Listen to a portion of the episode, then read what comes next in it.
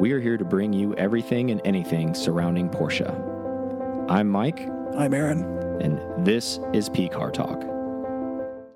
All right, welcome to another episode of P Car Talk. I am Mike, And I'm Aaron. and going to report a little somber news if you're not paying attention and you don't really know who he is. Unfortunately, a good friend of ours, Rudy, Mr. 993, has passed away. Um, our thoughts and prayers go out to his wife and his family and everybody that was close to him. He was a, a good friend of ours, and he was uh, very uh, influential in the Porsche community. He was a father, um, you know, a husband, a grandfather, a good friend. So he was an intricate part, and uh, we just want to dedicate this first half of the show to him and kind of tell people that maybe that are listening all across the world that maybe don't know who Rudy really was and uh, basically kind of give some info about his background and kind of celebrate his life a little bit.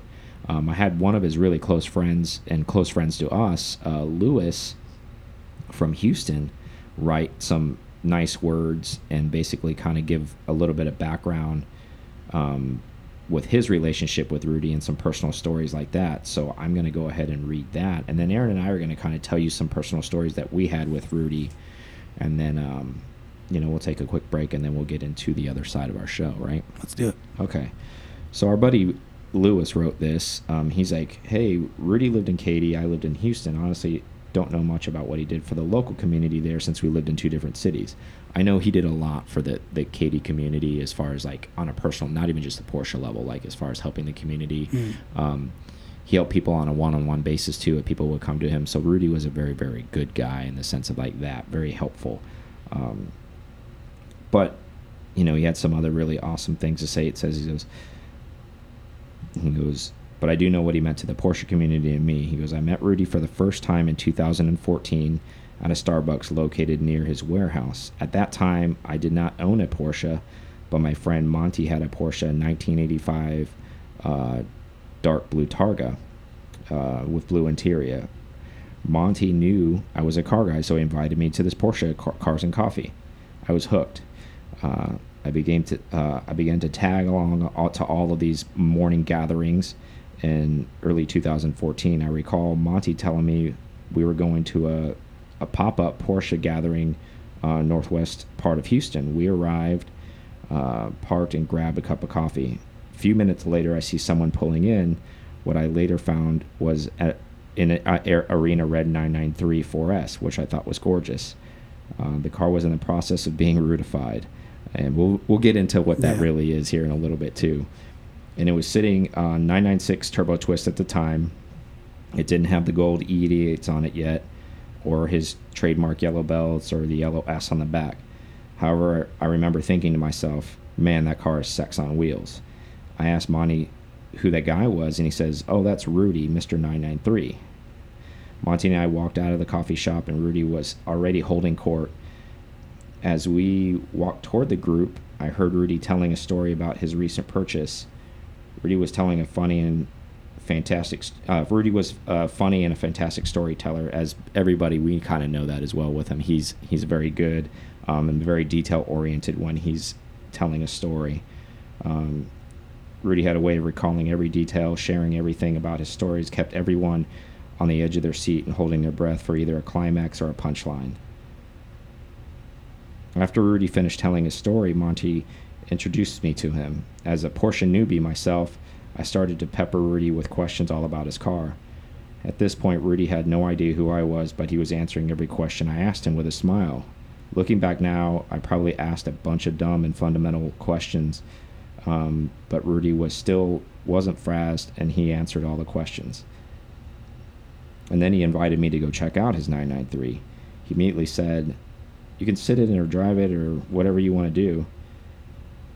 I was like, "Man, this guy doesn't even know me. He's telling me I can take his car for a drive." I went home and told my wife that I met the coolest, most humble Mexican Porsche guy on the planet. Of course, my wife's response was, How cute. You made a Porsche friend. you guys know how it is when you meet somebody and like you just vibe with them, you kind of like bro out, you know? And then um, after that, I attended a local cars and coffee with Monty and continued to run into Rudy. I told Rudy I'm hooked and I want to buy an air cooled 911. He tells me he'd help me in with my search and asked me what model I'd want. my response was, I don't know. I know I want one. Before Rudy leaves, he gives me his cell number and tells me, Come by my warehouse next weekend. I have a few cars that might help you decide what direction you might want to go. I asked Monty, uh, This guy has a warehouse full of these cars? He says, That is what I heard, but I've never seen or been there. Monty was also new to the Porsche scene in the world and was learning about Mr. 993 just like I was. Uh, the following week, I went to Rudy's warehouse, and of course, my mind is blown. And if you guys haven't seen this stuff, like it, it's it's out there for yeah. you to look at too, which is which is an understatement. That your mind is blown. But I've never met, I've never seen so many beautiful 911s in one place. Rudy always said my warehouse and cars are open to anyone who cares to come by and see them, and he meant it. He's always managed to make the people visiting his warehouse feel special. On four occasions, I recall people from out of town visiting Houston asked me if Rudy would open up his warehouse for them to see the cars. Although Rudy was a very busy man, I knew I could always pick up the phone and ask Rudy if we could stop by. He rarely said no and always managed to make time for us and our out of town guests. I eventually fell in love with one of Rudy's G Body 911s he had in his collection. It was a 1988 Carrera in diamond blue metallic. Every time I saw Rudy, I would ask him uh, to sell me the car. His answer was the same car's not for sale. I knew he was setting me up. Eventually, in, in February of 2015, we all know how that goes, right? In uh, February 2015, Rudy said, Lewis, do you still want to buy the diamond blue metallic G body? I said, yes. And we made a deal with two conditions. Rudy said, if you ever decide to sell the car, I want to be able to buy it back. And you have to promise me you're going to drive it like you stole it. Um, that was if you're not familiar with that, that was Rudy's one of famous lines. He's always saying like how he always drove his cars like he stole one. So he was passing that on to Lewis, especially as a newbie. And then he goes, uh, after I purchased the car from Rudy, we created a bond that extended beyond the cars. Our friendship grew, and he became my friend and mentor. Rudy and I have lunch on we had lunch on occasion, and would talk everything from under the sun about business, politics, families, investments, and always Porsche. He told me the story of his life in great detail and what he had done and where he's been and how he got to the point in life that he was at. He often talked about how much he loved Paula, his wife, his daughters, his grandkids, his dad, his mom, siblings, and God. We eventually started traveling and attending Porsche events across the country. We attended Luft, uh, Rennsport, uh, Redondo Classic, Austin Hill Rally. We had some incredible times in every event um, but our most fun was at Rennsport. I remember how much he loved listening to music in the car and all the genres. Rudy especially loved rap and old school Spanish music. I don't know why, but on this trip to Rennsport, I recall listening to two particular songs on multiple occasions. One of the songs was No Limit by G-Eazy. That's a funny video. Um, and the other song was Jose Alfredo Jimenez, uh, Cameo de, I'm going to screw this up, so don't butcher me on this. Guanasto, uh, but I think that's how you pronounce that. I remember us driving up up and down the road, both of us singing these songs all weekend. Not sure how appropriate the No Limit song is, but it will always remind me of the time in Cali. Also at Rennsport one night, we decided to meet up for a few Porsche guys for dinner at an upscale hotel. We had a great time. At the end of the dinner, Rudy offers to pick up the tab in typical Rudy fashion. Of course, we did not allow him to do that, but that was the kind of guy he was. After dinner, we decided to go to the hotel patio for our coffee and hang out. Uh, we ordered our coffee and we were hanging out. Three young ladies uh, sitting near us taking selfies, not quite getting their pictures correct. Uh, I offered to take a picture of them, and then they asked me if the people we were with, particularly Rudy, if he was Fat Joe. okay. And then uh, Lewis says, "Why don't you go ask them if he's the rapper Fat Joe?"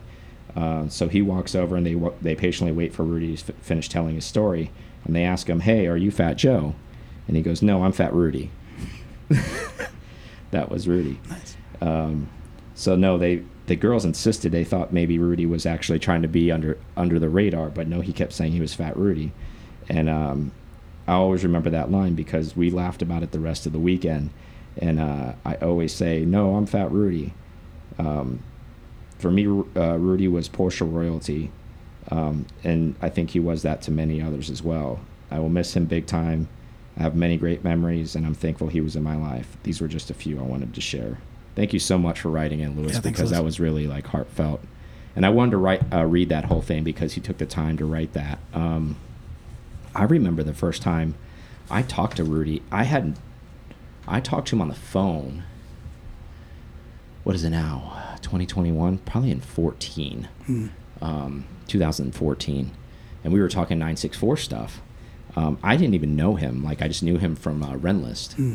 And then uh, he gave he sent me his uh, number privately, and then we talked on the phone because I was actually asking him questions because I knew he had owned so many air cooleds.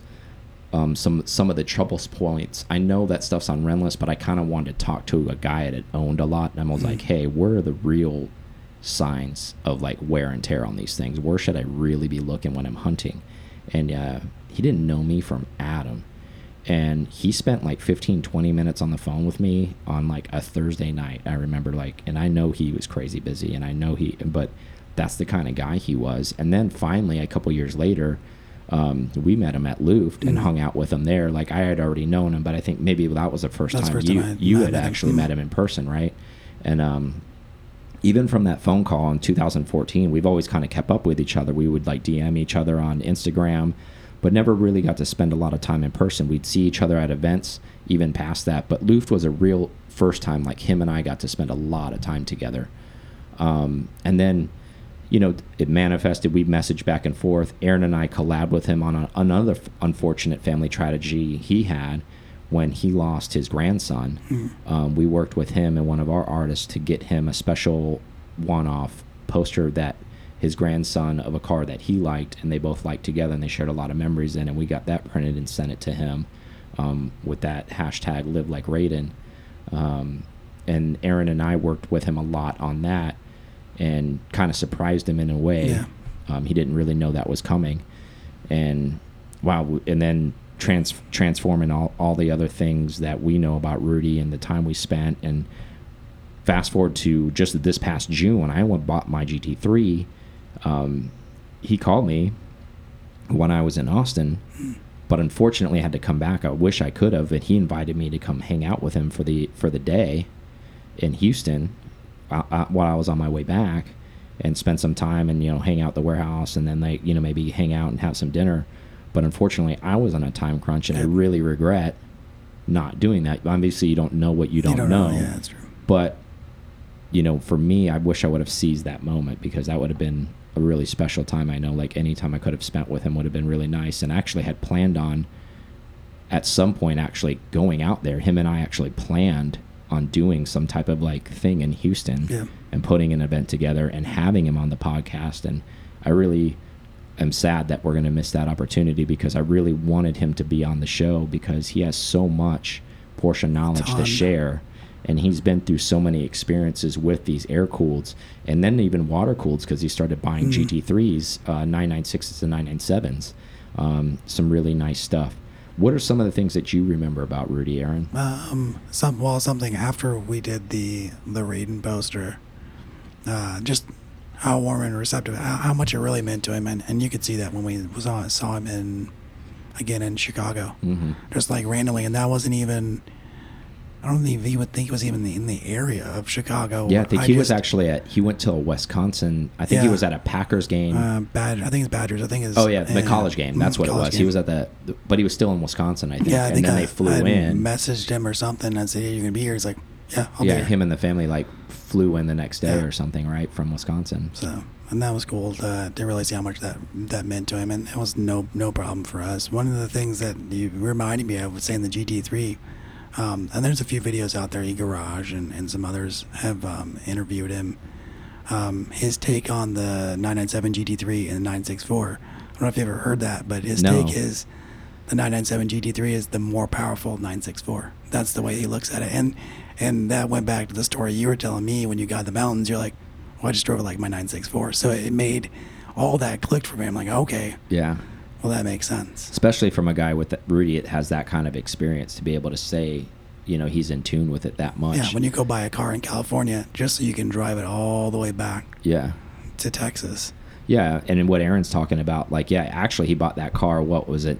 had it shipped from Hawaii, Mm, yeah. shipped from Hawaii to California, and him and his wife Paula did the whole like drive from California back to Houston because he had always wanted to drive that car, and um, that's a really cool story too. That I think is also documented on Yeah. YouTube. He he talked about there. that. Um, let's talk a little bit about Rudified, like what that really is. I know there's a lot of Ren sporters that may be listening to us and they understand what that is, but I think there's a lot of other people around the world they're not quite sure what that is. Why don't you go ahead and elaborate um, your take So my- what my you take on it understanding, was, what your uh, understanding what Rudified is? My my understanding was at first seeing it, I was like, what? I saw that, like saw the hashtags and stuff from back in the day. I've heard the the term, and and then I getting into it and looking more into it. I think it's even it's a cooler take on things. So what he does is he like looks for hardback seats are one of his things. Mhm. Seatbelt color is one of the things. The matching emblem, and I didn't. Real, I, saw it on one of his cars, and I think it's a really uh, was it turquoise blue Yeah, seeing that car and then realizing that he had done the seat belts in orange and then the Mhm. calipers in orange and Yeah. the S was in orange, which Yeah. I thought was red at first. I'm Yeah. like, okay, well that makes sense. And then, but he did the seat backs in blue turquoise Yeah. to match. yeah, And those little touches, that was something that yeah. he's got style, and you can you, Exactly. you could tell that from the all the the Nikes and stuff. That's when I was like, you know what, maybe I should get a pair of Nikes. I Yeah. keep seeing everything matching, but Yeah, his with the Jordans style, and mm, stuff yeah. like that. Yeah, he was a big sneakerhead too. That was a big thing with him. He And- loved sneakers. He had a lot of flights. Of, I forgot where the Rudified came from, but it was somebody said it. And kinda well, I think they him. they named him that on. Uh, not really named it, but somebody said something Yeah. reflecting to that on Rennsport. So, or Rennlist, excuse Yeah. me. Um, yeah, so that's what basically what that is, and which is super cool because you know it's not like unheard of. No one, it's like it's not like he's the first person that ever did it. However, he was the first person to have the the size of collection. I would Yeah. say he had. he liked something and then he repeated it yeah, over and over. over, and over. yeah, Mhm. and it wasn't the exact same color. Like Aaron was saying, like each car he would work with what would pop on that car, and he added flavor to each of his cars. And again, that maybe isn't a thing for purists, but he wasn't a purist. He he liked what he liked, and there's something to be said for that because that was his style. Those were his cars, and actually, over time, he did so many of them. It came he became known for that, and because of that, those cars became actually had a cachet that that mm. was a Rudy car, and it actually added value to it uh, as opposed to it maybe being bone stock. Um, so I think that is actually pretty neat too that you can start to build your own legacy and flavor because you own enough of those cars and you do enough of those things to them and people understand how meticulous Rudy was. Every car Rudy ever got like got totally basically clean from like top to bottom. Every every nook and cranny, no matter how clean and great it was when it got there, everything got paint corrected. Everything got handled right and everything was there was no knockoff stuff. Everything's og stuff and the best way to describe it we've used this term in the past but we don't use it enough oem plus plus. That's basically all of Mm. That's rudy's stuff. That's definitely the style. and there was something to be said about that too because they're not they're not over the top but they're also like way better than stock man. Like way way better than stock. And um I envied his collection. I still envy his collection. He he has an amazing flavor, an amazing taste towards those type of vehicles. Um, we won't talk about it a lot because this is a Porsche podcast, but he also did own a handful of BMWs as well. He got into Good that phase. Of, He had, yeah, he had two warehouses. Yeah. he kept them separate. so no one really cares about those BMWs, though. No, I'm just kidding. He did have some really badass BMWs. I, I, I just wanted to touch on that. I didn't want to kind of glaze over that. But back to the Porsche stuff he would do. Um, he just had some amazing, amazing Well, and cars. it was to the point that if you see a crazy color, you're you were asking yourself, "You think Reed wrote that out?" Yeah. And I'm going to tell one more story that he's a really good friend of ours, and he's also been on our podcast. If you haven't, it was one of our really earlier podcasts. Darren Fister, everybody knows him for Fister Motorsports stuff, where he makes these uh, exhausts a lot of uh, for the air cooled cars, stage one, stage two, stage three. He's even doing them for the 996s. And and Darren was really good friends with Rudy. They spent a lot of time together. I think almost every single exhaust system Yeah, on Fister every threes. yeah had Fister threes on it. So him and Darren were very very close. I think he sent him probably like what sixty or seventy different sets I would because he's had. I mean, over time, yeah, you know what I mean. That's how many cars they, he put them on. Um, but because of that relationship, and this is coming from Darren's mouth when we were back in Luft, way back, Mm. um, early early Luft. Yeah. Um, and we were at uh, in Newport Beach at our at buddy's Kevin's. house, at Kevin's house, and if you don't know, Darren owns a 964 and Amethyst. He got that car from Rudy. How he got that car from Rudy was he wanted one of Rudy's cars.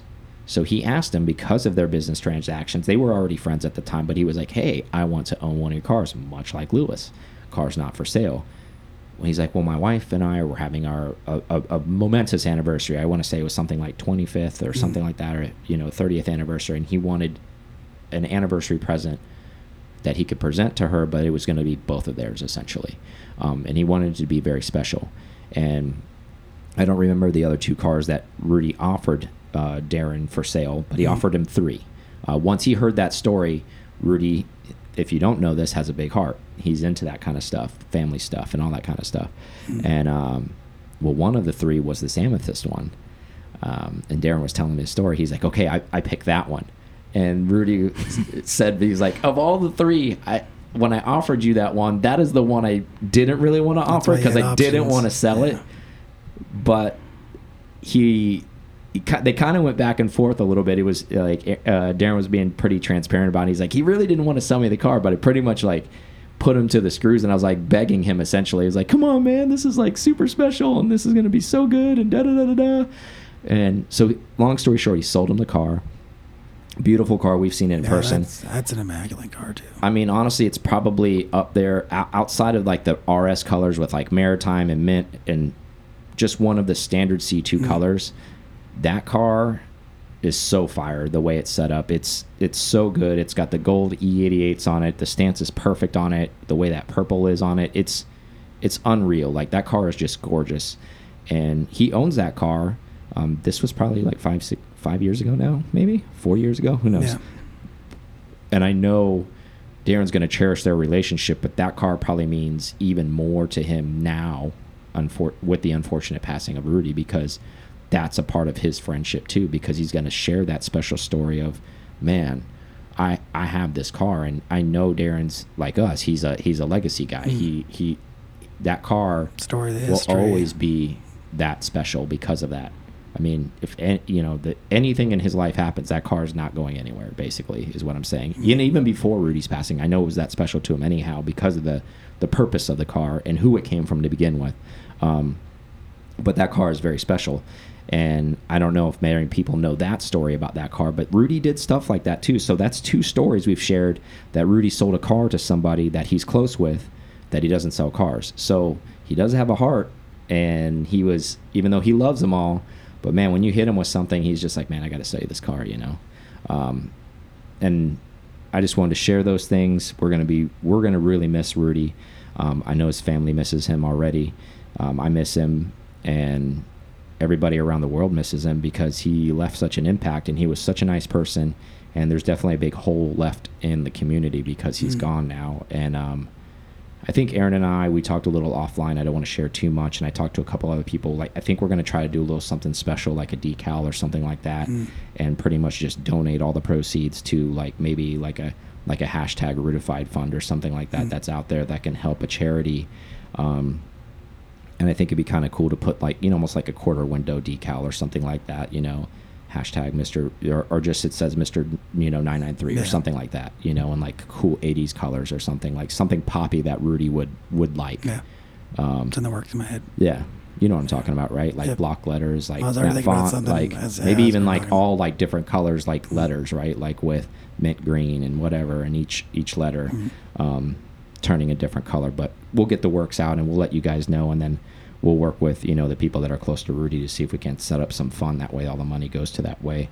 Um, yeah, go to all of those things that we were telling you to check out. If you didn't know who Rudy was, um, there's a pretty good couple. Um, I don't want to call them like documentaries, but they're more short films on Rudy yeah. on uh, YouTube that were produced long ago to kind of let you know who he was and what kind of a person he was.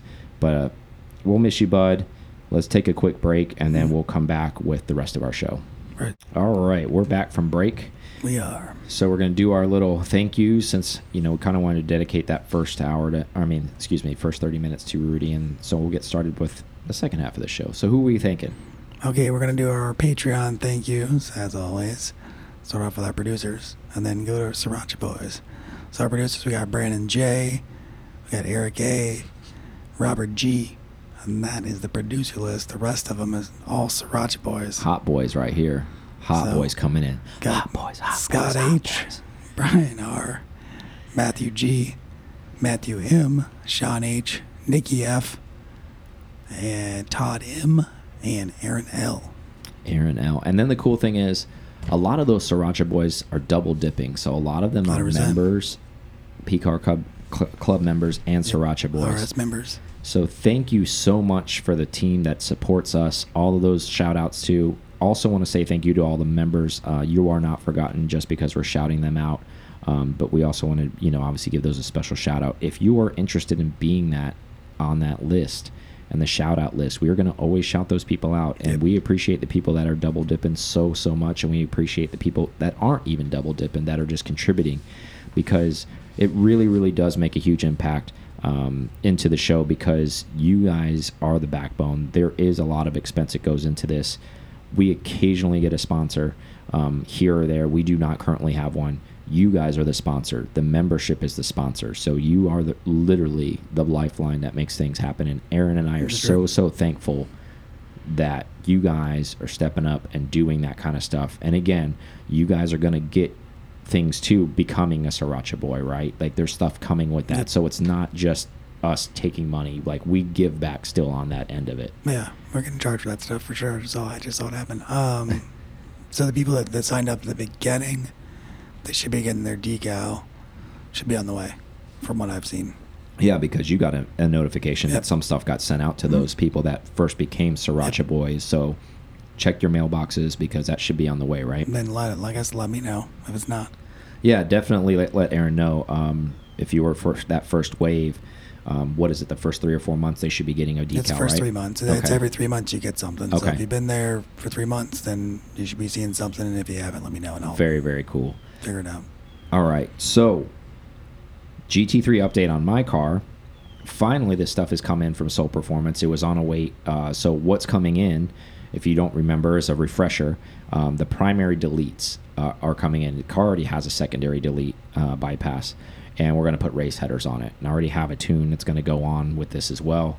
That's all happening Mm. this weekend. So the secondary deletes the sinners, right?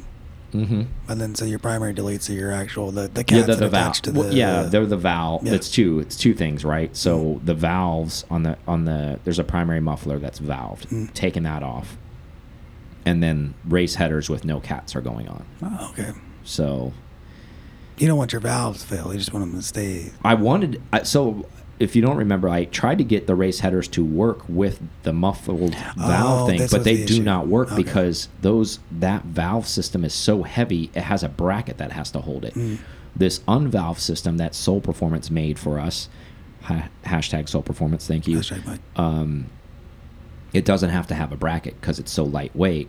So then that can attach the race header. Oh, so that's what the bracket that was was what the problem was. Is the race header couldn't clear that bracket because there's the bracket hanging down holding this thing. Now we can eliminate the bracket Mm. because we don't have to have those heavy ass factory valved muffler system in there. That's going to be gone. Yeah, well, I'm a little nervous here here too because although the the 964 sounds like the world is ending, which I'm got used to over time. That's a different world-ending sound. Yeah, this thing is really going to. There's nothing. It's it's it's essentially straight piped. Yeah. So it's going to sound like a cup car all the time, which makes me a little nervous. I don't but think I guess I'll get used bad, to though. It. Yeah, don't- I, I- think it's going to be bad.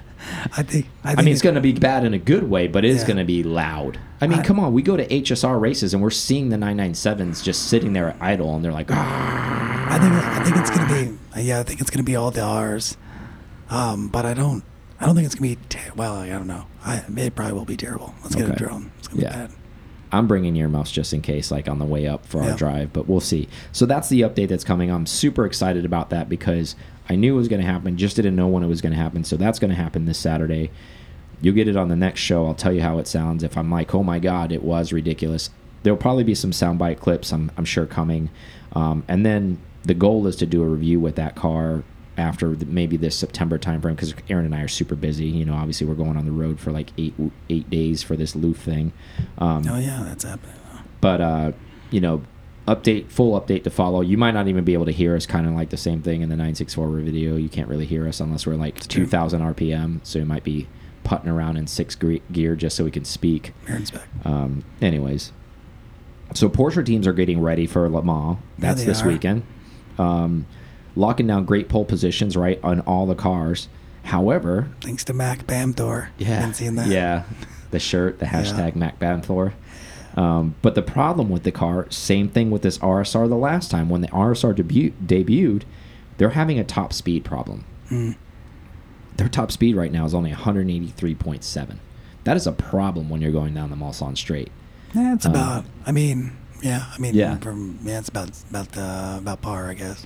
So that's the big thing right now. They're they're looking for mile per hour. Um, as you know, they they don't have a good mile per hour because this car has so much more aero, so it's pushing the car down. There's a lot of resistance on this car. Ducktail. So yeah, exactly. Yeah, but what are you going to do when you need it planted, right? Exactly. It's going to slide all over the place. Um, so they're going to change the angle of the plane. I don't know how much more mile per hour they can really get out of this. Maybe a couple. They're not going to eke a lot out of this car. We don't know what anybody else is doing. Um, I didn't do the numbers on it, but I'm just basing this off of remember when we watched this car debut, mm. and remember that first time they hit the the, the Mulsanne straight Well, I think we were both watching it at mm. separately at your house and I was watching it, but we were texting. And, oh yeah, the and, and literally like, like everybody's just walking right by the car yeah. down the straight because we were just maxed out. We were pinned, and you know they're carrying 199, 200. I mean, at that level, that's pretty much you, what you get to though on that. When you're six, yeah, but what I'm saying, when you're 16 miles per hour faster, that's significant. That's right. That's significant. Well, in a 24 hour race, that's yeah. significant. Even if it's a couple miles an hour, that still makes yeah, a difference. That's significant. Yeah. So they're going to look for it. Will they find it? Who the hell knows? Because it's going to be debatable. But I'm excited that race is happening this weekend. But are you nervous with that? Because are we? Is this going to be the same thing again that we watched last I, time? Because this is essentially the same car, just because it's wearing different well, skin. That, well, getting BOP didn't help, and I hope that's. I know we're setting good lap times, but we don't need we don't need any help slowing yeah. down. Exactly. Um, and I, again, we get like you said, we did get BOP. However, we're having a slipstream problem because that big old wing is a ton of downforce, and this is it. not really the race for that kind of aero. Mm. You know, ideally it would be you would run a you would want to run a lower aero, almost kind of a GT3 RS wing, and not that monster swan neck they're but running. Then you want to also carry speed through uh, the back half too. Yeah, but the thing is, is it does it fifth gear. Yeah, it does it balance out though? I yeah. mean, it didn't seem like it because they lost a no. lot of position um, up front too. I don't even think it was. I don't think they were in the Mulsanne. I think they were just starting the. That's what I'm saying. Is like yeah.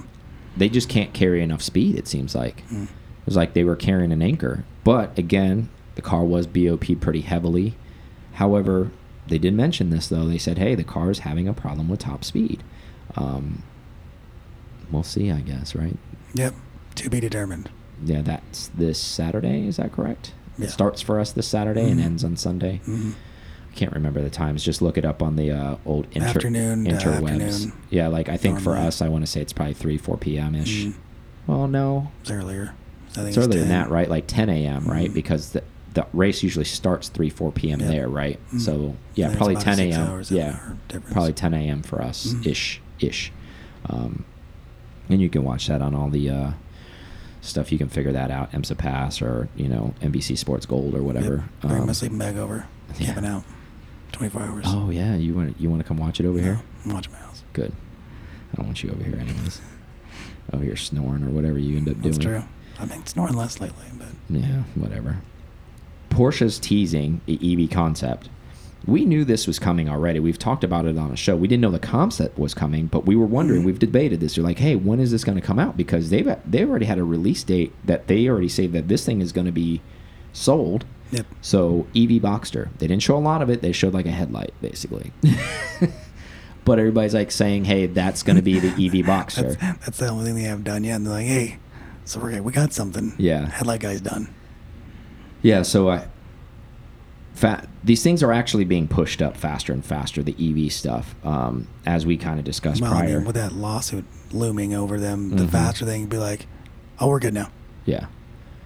Yeah, we don't sell any. Uh, any combustion cars anymore. We're good. They're done.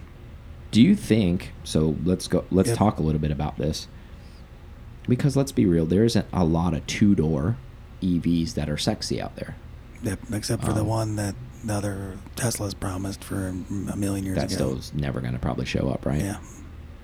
Just taking a million deposits on them and just Well, you know, stacking money and putting it in Doge and doing whatever he wants with it it. in And then, yeah. Yeah, he's just reinvesting the money you guys are giving him, guys. Come on, he's not an idiot. Yeah, I mean, it's going to be. I, I don't think. Well, is there a two door out there? There's not a two door There out isn't. there. No, No. so man, this might sell, Mhm. just like the Taycan, pretty much. Well, I It's think got the goal- opportunity yeah, that's what I was thinking. yeah. Is I know they're not going to price it super high because it's just not in that price point. Turbo S version? No. I don't even know if that's. I don't even know if that's necessary. But I'm saying I'm not. I don't think they're going to be dirt cheap. But I think this is going to really change the market because I think it'll be 50s, 60s. I, I think it'll. I be, think it'll be more than that. I'm thinking 85 probably for this car. The only reason I say those numbers is because if they're able to do a two-wheel drive um, Taycan for uh, 80, Yeah. I think they might be able to get it down. Hey, top down goes down, price goes up. So, I think 85. I think is probably going to be in the wheelhouse just to get you Uh, in. bro, you know, you're you're probably right on that, just because of the GTSs and. the- However, I think this like. car, if it comes out when it's supposed to come out, I think in 2023, um, they're going to sell a lot of these. Especially think Um, about think so. California, Oh, yeah. all of those places. You get a two door convertible EV. I mean, last time we saw something like that was what the Tesla, um, not Tesla. Was it? Uh, yeah, it was Tesla, right? They came out with one a long, long time ago. That little two door thing. But Oh, that was kind of like yeah, that when they first started, that yeah. weirdo like thing that they did, and they only made so many of them. Whatever. But this is going to be mass produced. I think this is going to be the first mass produced two door car, sports car. Now there's other ones. I think Honda has like a E, but it's an economy car. It's Yeah. not a. It's a two door, yes, but it's it's not made for It's sports car for stuff. performance. Exactly. Mm. Um, no projections yet on levels of batteries with this thing as far as range. Um, the fact of it, I again going back to a full on release for everybody to see. I still think we're going to see something at the end of the year where they do one of those digital YouTube releases and Yeah. this thing shows up and it comes out and it's going to be like, oh, it's this, it's that, it's that. And I it's think going it to start also. this. I think it also shows us the power of their partnerships because it's been recently where they partnered with a few different battery technologies and all. And I feel like maybe that was what was holding them back or them projecting out long was like, we'd like to do this, but we don't think we're quite there yet. Yeah, I think you're right. Yeah, I think that's possible. Okay, so Porsche Monterey Car Week just finished out uh, this past weekend. Um, from the Porsche standpoint, we'll go ahead and run through that gamut because there's a lot to cover there. Mm. So if you haven't seen it on Instagram, this is pretty funny. Um, thankfully, it's funny because it didn't turn into a disaster, Oh, but it definitely could have been a disaster. So if you guys seen this 917, there's a gentleman down there laying on the ground firing it up. Um, for whatever reason, he may, I guess, have forgot the car was in gear. Um, so he fired the car up and it starts to scurry down the, Yeah, the lawn. a little bit- And then, you know, they cut the car off and, Yep. you know, thank God it didn't run anybody over or significantly hurt the car or himself because Mm. he's half in the car, like laying in the car. Um, I don't know if it's a judge or a journalist. it, I thought it- he looked I- like the a judge probably wouldn't be the one starting the car. It probably was somebody in the ownership caretaker. Maybe not the flat out Yeah. owner, but you know how they. If you guys don't know this, there's a when you're that wealthy and you have a car, you have liaisons who babysit your car for you and kind of take care of the car and present the car and knowledgeable about the car and all that kind of stuff. I think that's who this person was, um, who was kind of laying on the ground. Um, I think he had grass stains on his knees Oh, and, sure. and uh, code brown stains on the back, probably because he was watching about $16 million run down the hill that he was responsible for. And he was probably going to be executed in the worst kind of way if that's something bad happened there. Um, however, if you haven't seen that video, the point I bring that up is it's all over Instagram. It's went viral. Take a look at it. It's a pretty scary moment, but it turns out to be okay. So I'm not Do you put your 917 in gear whenever you park it, or no? Probably. I mean, it was on the hill. I mean, I don't think that car has an e-brake. That's true. I think it was just a bonehead mistake of him not He just realizing. gonna fire it up, yeah. I- and and a lot of people made a good point. I think either when you posted or even on Verone's thing, everybody who drives a manual, it's kind of a rookie move, right? Like you, any car you ever get into, you always check the manual shift knob to see if it's there's play, so it's not in gear when you start it. And if you don't do that, and you have a manual and you haven't been burned yet, start doing that because that is a good practice to get in to make sure that the car's in neutral before you fire it up, so this boneheaded shit doesn't happen to you. um, like that kind of happened to this guy.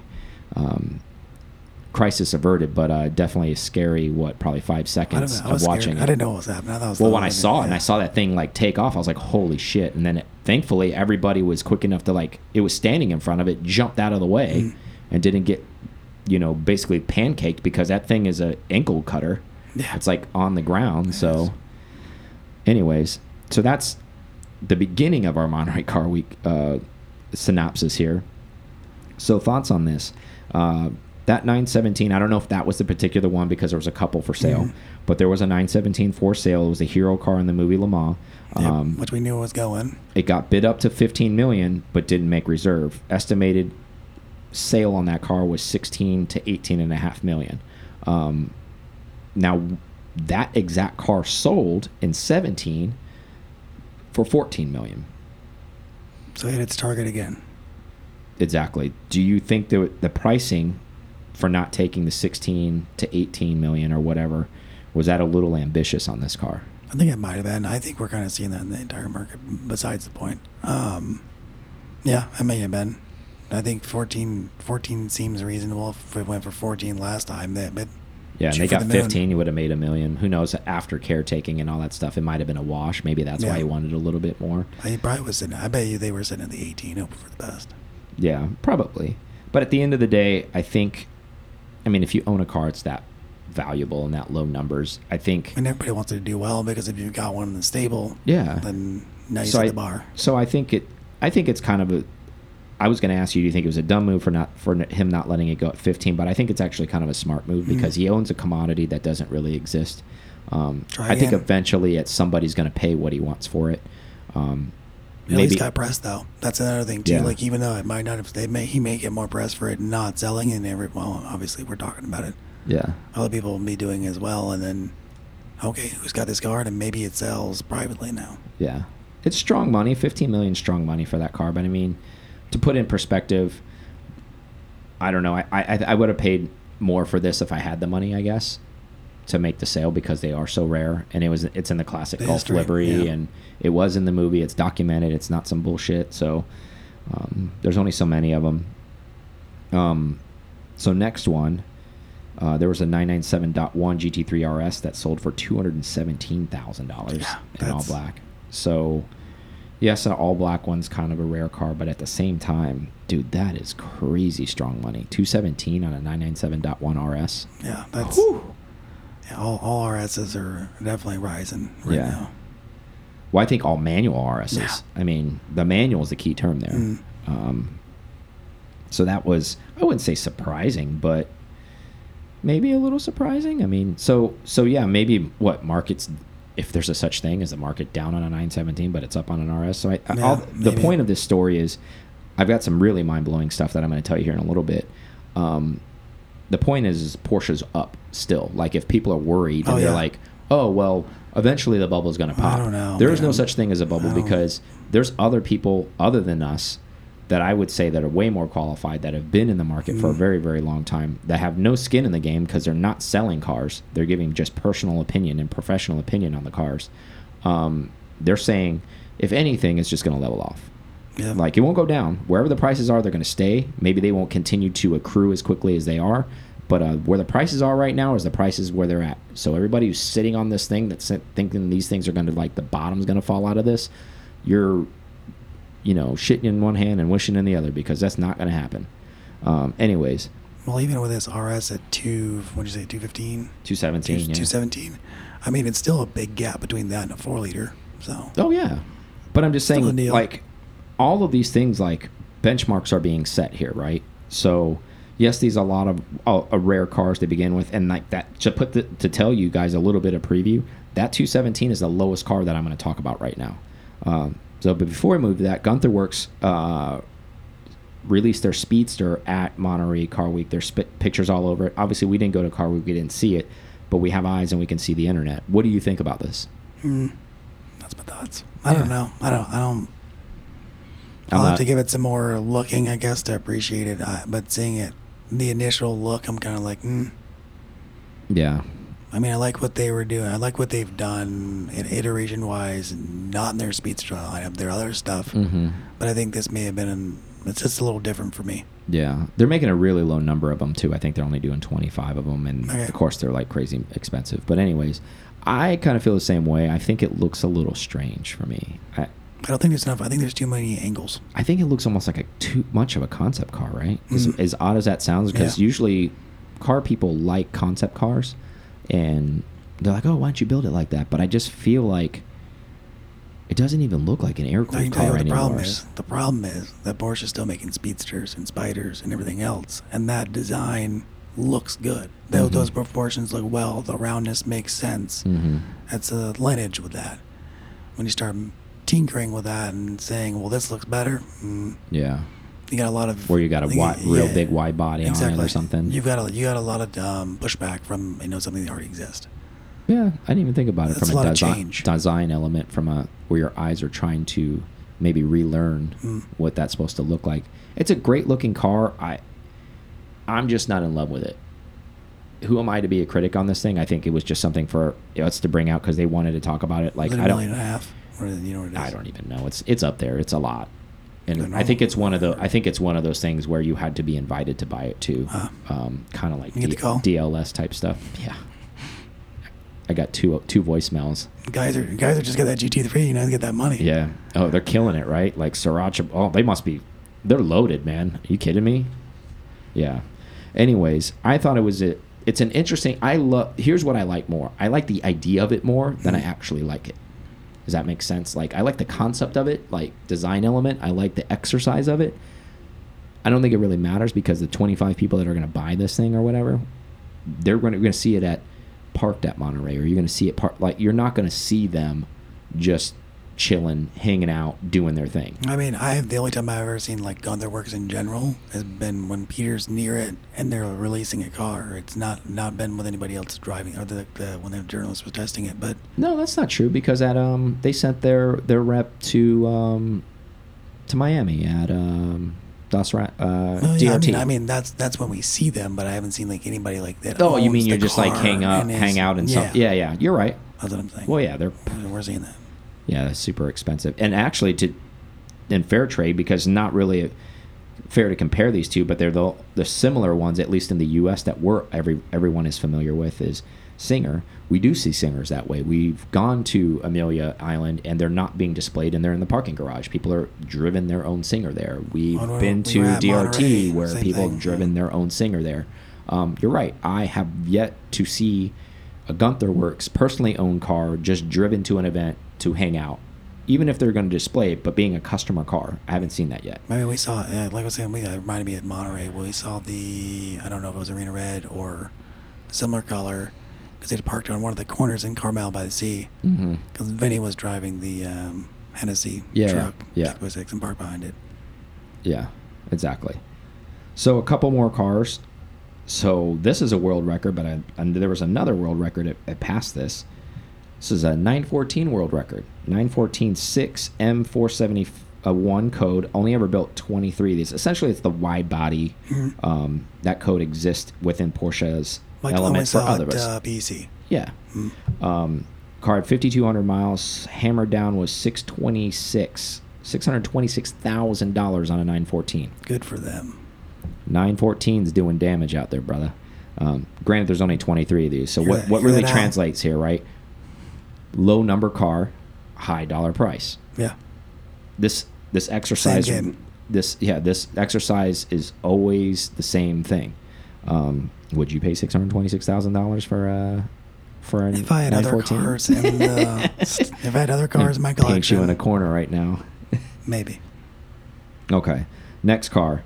Uh, This is the 911, uh, 1968 911R, sold for 3.3 million. Now, to give you a little background on this stuff, because it's not like a lot of this stuff is discussed. There was only four prototypes, uh, 19, uh, 911Rs made, and then they made 20 actual serial number cars. Um, so there's 24 of these in total, kind of floating around. Um, so super low number again. Um, a little background on the car: it only weighs 1,800 pounds, Yep. 210 horsepower. That's a pretty fast little car, man. That, Yeah. That thing can get down. than. Yeah, that thing can get down. 3.3 million though. That's pretty strong money, right?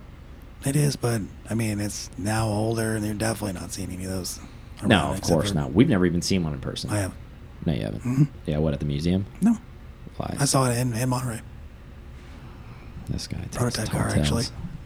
Tall tales. No, Anyways, was going in the I was going to the auction. I don't know if it auctioned or what it auctioned for, but I did. So this is another world record. This is a G body, standard three two. Nothing crazy about this car. However, before I say nothing crazy about the car, it was Special Wishes paint and Special Wishes interior. So this basically had teal all the way interior. If you can go to RM and see this car, it has black with like a faded teal stripes on, on the roof of this car. Uh, came from that way from the factory. Um, that's the only thing. It's not a souped up motor, nothing uh, crazy like that. Um, it car had I want to say had like forty thousand kilometers on it, so it was driven. It was owned by a Porsche executive, so what it has a little bit catchy. a little somewhere. bit. Yeah. but I don't know if that's strong enough cachet to hammer down at three hundred and sixty-two thousand dollars.